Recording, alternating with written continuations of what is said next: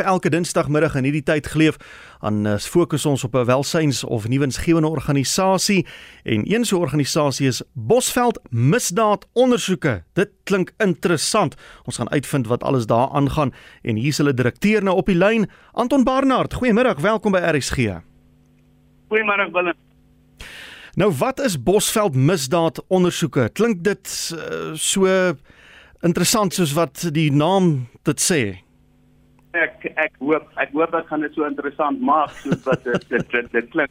Willem eerstens baie dankie vir die geleentheid uh, wat RSG vir ons bied om uh, om om uh, jy weet om vir ons die platform te skep om dit uh, om dit te doen. So baie dankie daarvoor en dan goeiemôre aan elke luisteraar wat ingeskakel is.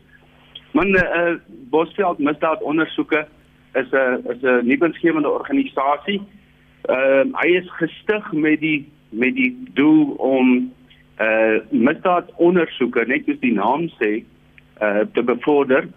Ons het um, in uh, in 2015 net 'n visionêre besigheidsman uh, Tony van Lieke hierso in die Tabazimbi Bosveld omgewing het hy vir uh, oud kolonel luitenant kolonel Sakkie Lourens uit die polisie uit uit gaan haal en hom uh, hierso beskikbaar gestel vir die gemeenskap om uh, geweldsmisdade te ondersoek. Hmm. Nou dit was soos ek sê visionêr van hom gewees en uh, die uh, organisasie wat daai tyd op in stand gebring het het so 'n bietjie deur 'n moeilike tyd met die COVID gegaan en toe het ons besef hierso aan die Bosveld gemeenskap dat ons die kundigheid gaan um, uh skies ek wil net hier so dood maak iemand wat my bel en daar's vure in Tabazimbi en in oh, Bosveld. O, jette. Goed. Almal soek vir my. Ai. uh, so ek is jammer dat daar so nou 'n uh interference is.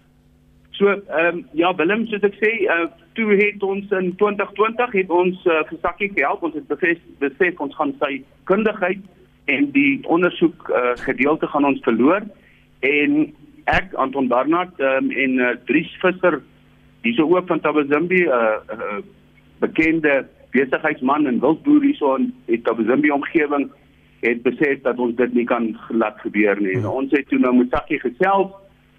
Ek noem hom nou sommer Sakkie, maar dit nou ou kolonel Sakkie Lourens hmm. en ons het vir hom uh, gehelp om 'n uh, Bosveld misdaadondersoeke as 'n nuwe skemende organisasie op die been te bring. So ja, ek is van 2020 af amptelik betrokke as 'n direkteur hmm. en my rol is maar meer op die administrasie en die corporate governance en daai klas van goeders. Maar eintlik is die belangrike persoon hierso is uh, oud kolonel Sakkie Lourens wat vir ons die ondersoek gedeelte doen. Ehm um, in hierdie in nie net in ons omgewing natuurlik. Ja. Uh, ons doen werk oral oral ster wat ek miskien nou nou 'n bietjie sal uitbrei ook. Nou is my aanname korrek wanneer ek sê dat die rede hoekom hierdie tipe uh organisasie op die been gebring is is om die tekortkominge van die Suid-Afrikaanse polisie diens om hulle hande bietjie te versterk omdat hulle nie oral kan uitkom nie. Absoluut Willem. Ehm uh, tekortkominge wil ek wil ek net noem dat ons ons dit nie in 'n negatiewe uh, lig sien nie. Hmm. Ons het baie goeie ondersoekers en ons werk verskriklik baie nou saam met die SAPS. Uh die ondersoekbeamptes is net absoluut oorlaai met werk. Ja. Uh en ons probeer regtig om daai hande van hulle te versterk met uh die kundigheid en die en die ervaring wat 'n persoon so sakkie vir ons kan na die tafel toe bring. So ons werk verskriklik nou saam met hulle in al die ondersoeke en maak seker dat ons hulle hande versterk soos jy genoem het. Absoluut, jy het gepraat ja. van uh, Tabazimbi, is dit waar jy gestasioneer is? Ja, dis maar die middelpunt, dis waar my kantoor is en waar die administratiewe gedeelte van die van die besigheid is. Maar uh, maar ons opereer in die in die hele uh, Limpopo natuurlik en ook verder het ons al sake in goed gedoen, maar dit is eintlik maar die hmm. die die kerngedeelte is maar die Limpopo Bosveld uh, Waterberg area. Nou wanneer 'n mens 'n uh, slagoffer van misdaad was en die nasionale vervolgingsgesag besluit maar hulle gaan nou nie vervolg nie, daar's nie genoeg bewyse nie of wat ook al, dan kan jy nou 'n 'n privaat organisasie nader om uh, te vervolg. Is dit ook in hierdie geval so waar waar mense julle in 'n privaat hoedanigheid nader en sê luister, ek wag nou al 3 maande vir die polisie en uh, hulle sukkel so bietjie, is dit waar julle dan inkom? Is dit hoe julle werk?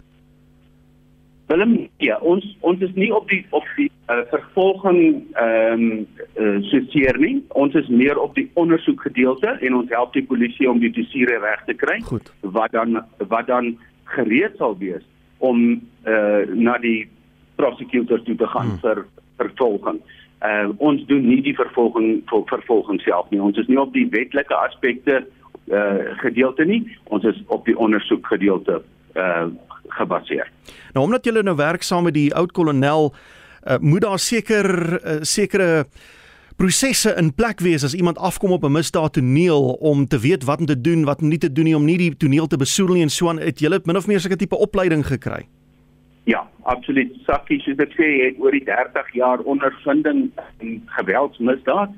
Ehm um, hy was uh hy was baie jare by die by die SAPS self en hy was uh betrokke net voordat hy klaar gemaak het by die SAPS wat hy op 'n spesiale taakspan wat net na geweldsmisdade omgesien het in die Limpopo provinsie. Hmm. Ehm um, interessant wat ek kan net gou-gou gaan noem en hy gaan my nou baie kwaadlik neem dat ek dit noem, maar Sakkie wer Sakkie hou 'n wêreldrekord vir die vinnigste uh arrestasie van 'n uh, serial killer.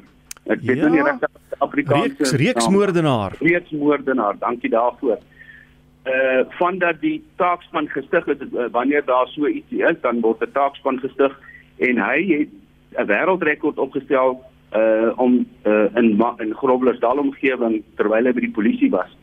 Uh wat die uh, wat daai uh, uh reeksmoordenaar gevang het en gearresteer het en toe uh, rukkie later in die Toyandou omgewing het hy sy eie wêreldrekord verbeter. uh so dit is nogal 'n interessante staaltjie van van Sakkie en dis nou net presies wat ek hoekom ek dit noem is is die die die ervaring ja. en die kundigheid van Sakkie as 'n as 'n ondersoeker. Uh en en en dis wat dit wat wat ons regtig uniek maak ja. in in in daai opsig. Julle het 'n eister daar aan julle kant. Nou om so iets aan die gang te hou uit die aard van die saak, uh, dit is uh, dit kos geld. 'n uh, Mens al werk 'n mens vrywillig, jy moet nog steeds brandstof hê om na die tonele te ry en al al die goeders die die die toerusting wat jy mee miskien werk en daarvoor het jy nou 'n fondsinsameling om geld in te samel vir hierdie nuwensgewende organisasie. Korrek, korrek Willem, ja.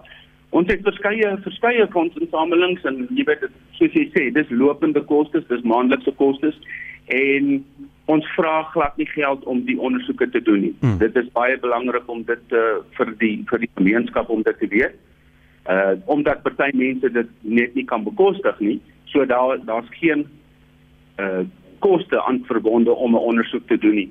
So wat uh, ons dan nou wat ons maak staat op donasies En daar's verskeie maniere om dit te doen. Daar's ons uh, baie goedgesinde besighede in die omgewing wat uh, maandelikse basisse bydraes maak vir die kostes, soos jy sê, dit ons geld om hierdie goedes te doen.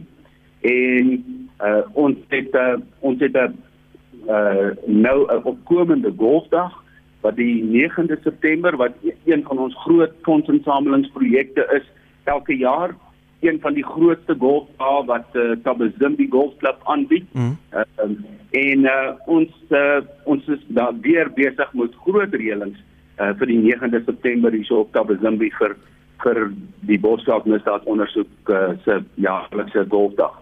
Nou as iemand dalk hierby betrokke wil raak of as Tabazimbi miskien bietjie ver is en wil kyk of hulle op 'n ander manier betrokke kan raak, het jy 'n webblad of 'n Facebookblad of 'n telefoonnommer of so iets? Dankie. Uh, ja, Willem, definitief. Ons ons maak maar 'n bietjie staat op Facebook omdat dit so maklik is om dinge op te dateer en, mm -hmm. en terugvoer te gee. So ons het 'n uh, eh, ons Facebook bladsy is Bosveld misdaad ondersoeke. Enige iemand kan daarna toe gaan. Al die inligting is daar, so al die inligting van die golfdag is daar so en ons dateer almal op. Die speelveld is al amper vol. Uh, uh en die naggaatjies is al amper vol. So ons is baie opgewonde oor die dag. En dan het ons ook 'n uh, op die op die Facebook bladsy is daar so ander uh, maniere hoe mense donasies kan maak as hulle bietjie ver is. Soos jy sê, Tabazimbi is nou nie so naby alles nie. Uh daar is besonderhede. Ons het byvoorbeeld 'n klik op doen dit waar jy net 'n QR kode kan scan en mm -hmm. jy kan bydra maak. Ons het aftrek order fasiliteite. Al daai besonderhede is op ons Facebook bladsy uh, beskikbaar. Nou ja, Anton, dit is wonderlik dat daar mense soos jy is en die oud kolonel wat help met hierdie tipe van ding. 'n Mens hoop daar kon sommer baie sulke tipe organisasies op 'n been gebring word. Baie dankie vir jou betrokkeheid. Dankie dat jy gesels het en dan gaan hierdie besonderhede vir ons herhaal. Baie baie dankie. Ek waardeer regtig Willem en 'n lekker dag vir jou en die luisteraars. So gesels Anton Barnard, direkteur van Bosveld Misdaad Ondersoeke, klink soos iets wat ook 'n lekker TV-reeks kan word, miskien later, nê? As 'n regisseur is of 'n draaiboekskrywer wat nou luister. Maar uh, jy kan hulle gaan soek op Facebook, Bosveld Misdaad Ondersoeke en as jy in die omgewing gaan wees 9 September, woon die golfdag by in Tabazimbi om fondse in te samel vir hierdie nuwe insgewende organisasie en al hulle ander besonderhede is op Facebook hoe jy kan 'n donasie maak om hulle te help help met hulle ondersoeke van plaasmoorde tot renosterstropery, ernstige geweldsmisdaad. Hulle het die fondse nodig om hulle goeie werk voort te sit.